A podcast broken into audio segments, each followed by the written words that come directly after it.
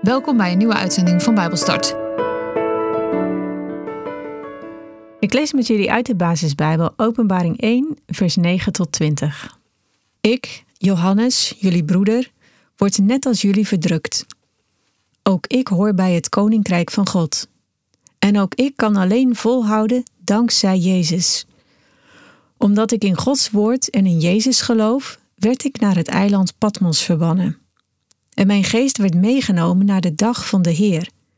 En ik hoorde achter mij een luide stem die klonk als een ramshoorn. De stem zei: Ik ben de eerste en de laatste. Alles wat je nu gaat zien, moet je in een boek opschrijven. Stuur dat boek naar de zeven gemeenten in Azië. Naar de gemeenten in Efeze, in Smyrna, in Pergamum, in Thyatira, in Sardis, in Philadelphia en in Laodicea. Ik draaide mij om, want ik wilde zien wie er tegen mij sprak. En toen ik mij omdraaide, zag ik zeven gouden kandelaren. Tussen die kandelaren zag ik iemand die op een mens leek. Hij had een gewaad aan dat tot op zijn voeten hing, met om zijn borst een gouden band.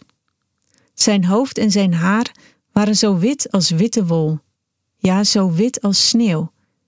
Zijn ogen vlamden als vuur. Zijn voeten leken van gloeiend koper te zijn. Zijn stem klonk als de zee. In zijn rechterhand hield hij zeven sterren. Uit zijn mond kwam een vlijmscherp zwaard. Zijn gezicht straalde als de zon op het heetst van de dag. Toen ik hem zag, viel ik als dood voor zijn voeten neer. Maar hij legde zijn hand op mij en zei: Je hoeft niet bang te zijn. Ik ben de eerste en de laatste en de levende. Ik ben doods geweest, maar nu leef ik voor eeuwig. Ik heb de sleutels van de dood en van het dodenrijk. Schrijf op wat je ziet. Schrijf op wat er nu is en wat er nog gaat gebeuren. Dit is wat de zeven sterren in mijn rechterhand en de zeven gouden kandelaren betekenen. De zeven sterren zijn de zeven engelen van de zeven gemeenten, en de zeven kandelaren zijn de zeven gemeenten.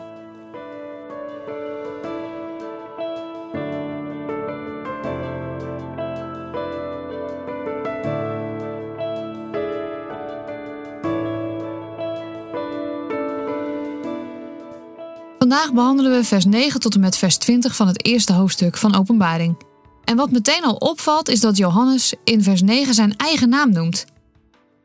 Als je in het evangelie dat Johannes heeft geschreven kijkt, dan zie je dat Johannes zichzelf nooit bij zijn eigen naam noemt. Hij noemt zichzelf de andere discipel of de discipel die Jezus liefhad. Maar hier schrijft Johannes heel stellig: Ik, Johannes. Waarom doet hij dat? Nou, dat heeft ermee te maken dat Johannes geen discipel meer is, maar hij is apostel geworden. Hij is door Jezus op pad gestuurd. Hij is ooggetuige geweest van de opstanding van Jezus en hij wordt net als al die anderen verdrukt. Als je de Statenvertaling leest, dan zul je zien dat Johannes hier drie dingen in één keer zegt. En dat doet hij wel vaker. Hij zegt hier: Ik ben deelgenoot in de verdrukking, in het koninkrijk en in de volharding.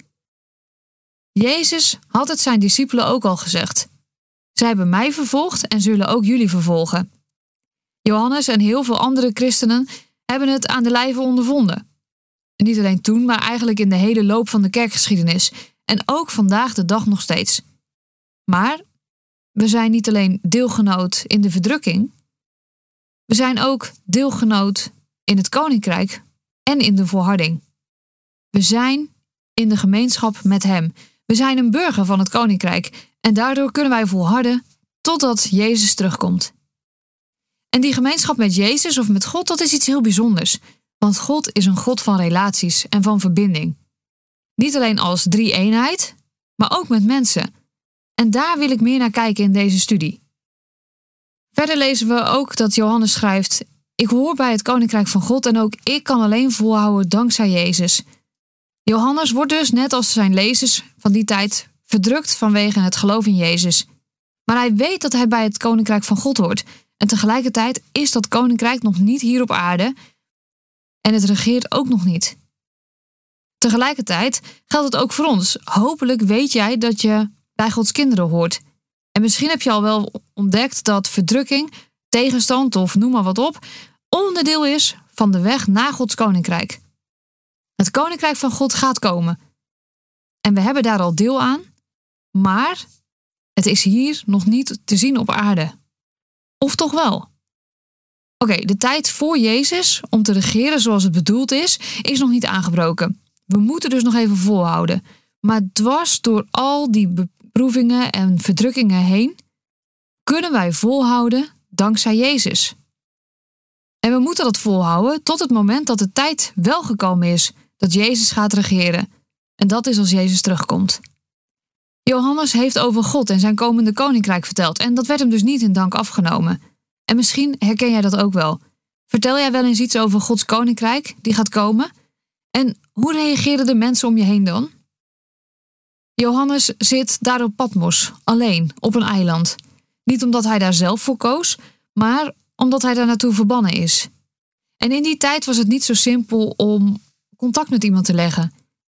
Wij kunnen elkaar nu bellen, mailen, appen, kaartjes sturen of gewoon op bezoek gaan. Maar in die tijd kon Johannes dat wel vergeten.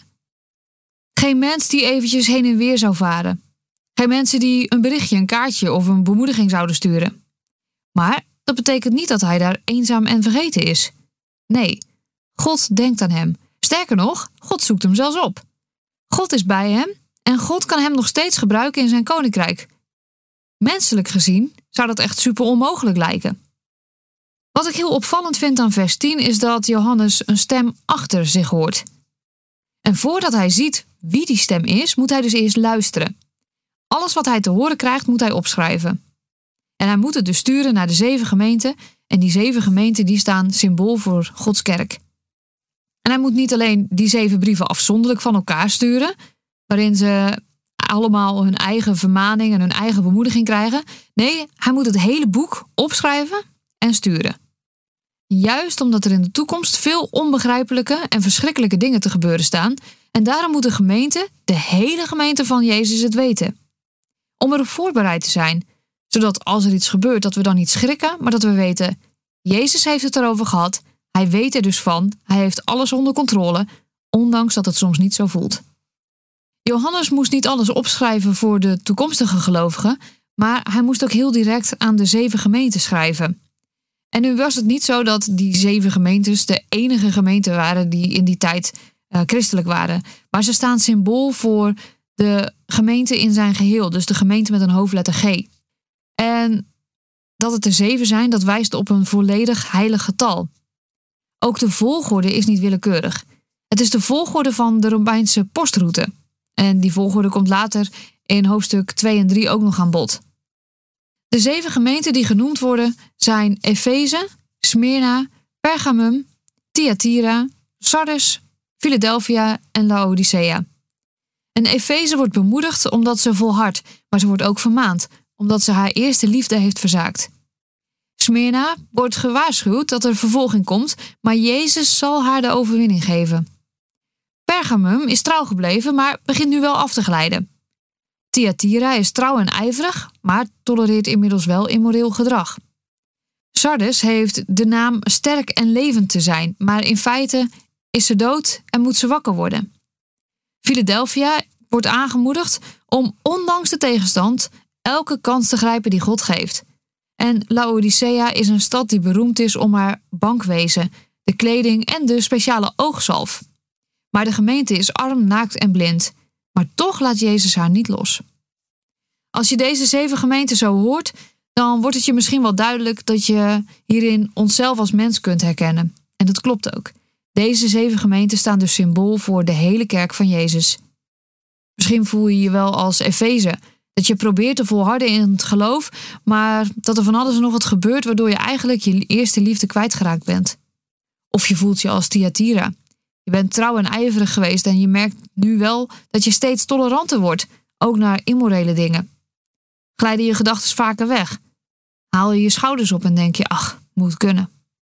Of voel je je als Philadelphia? Grijp jij elke kans die God je geeft met beide handen aan en merk je dat je aan alle kanten aangevochten wordt? In welk van de zeven gemeenten je je ook herkent, en misschien wel meer dan één zelfs, kan natuurlijk ook, er is een bedoeling met dit Bijbelboek. Er is een bedoeling dat God dit heeft geopenbaard aan Johannes. En een van de bemoedigingen die je uit het hele hoofdstuk kunt halen, is denk ik wel dat God omziet naar zijn dienaren. Ondanks dat Johannes alleen op dat eiland zit, zag God hem. God zette hem zelfs in. God gebruikte hem om een inkijkje te geven in de toekomst.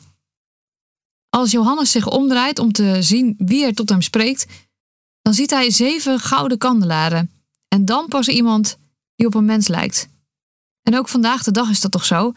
Wij zien toch eerst de gelovigen, mensen om ons heen zien toch eerst de gelovigen en daardoorheen zien ze Jezus. Johannes ziet een kandelaar die van goud is en goud stelt de heerlijkheid van God voor. Een kandelaar is bedoeld om licht te verspreiden. En deze zeven gemeenten, of de, de gemeente van Jezus eigenlijk, wordt vergeleken met gouden kandelaars. En dat wil ook zeggen dat het de bedoeling is dat de gemeente van God Gods licht verspreidt. Elke gemeente moet het licht in haar omgeving laten zien. Maar hoe doe je dat? Nou, door naar de waarheid van God te luisteren en daaraan gehoorzaam te zijn. Want licht doorbreekt altijd duisternis. Ondanks alles wat er in openbaring besproken gaat worden, we mogen ons eraan vasthouden dat God naar ons omziet.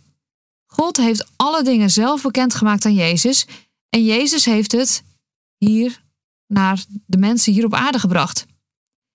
Jezus heeft alles doorgegeven aan Johannes.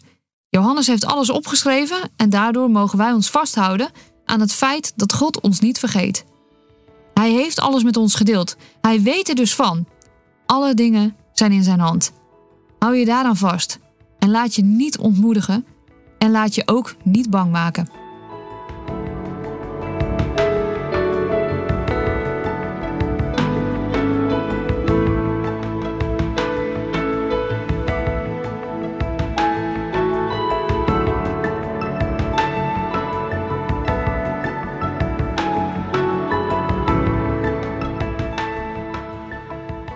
Dit was Bijbelstart, een programma van TWR. Het is gebaseerd op het Amerikaanse programma Through the Bible, ook wel TTB genoemd. En deze uitzending is een samenvatting van twee afleveringen.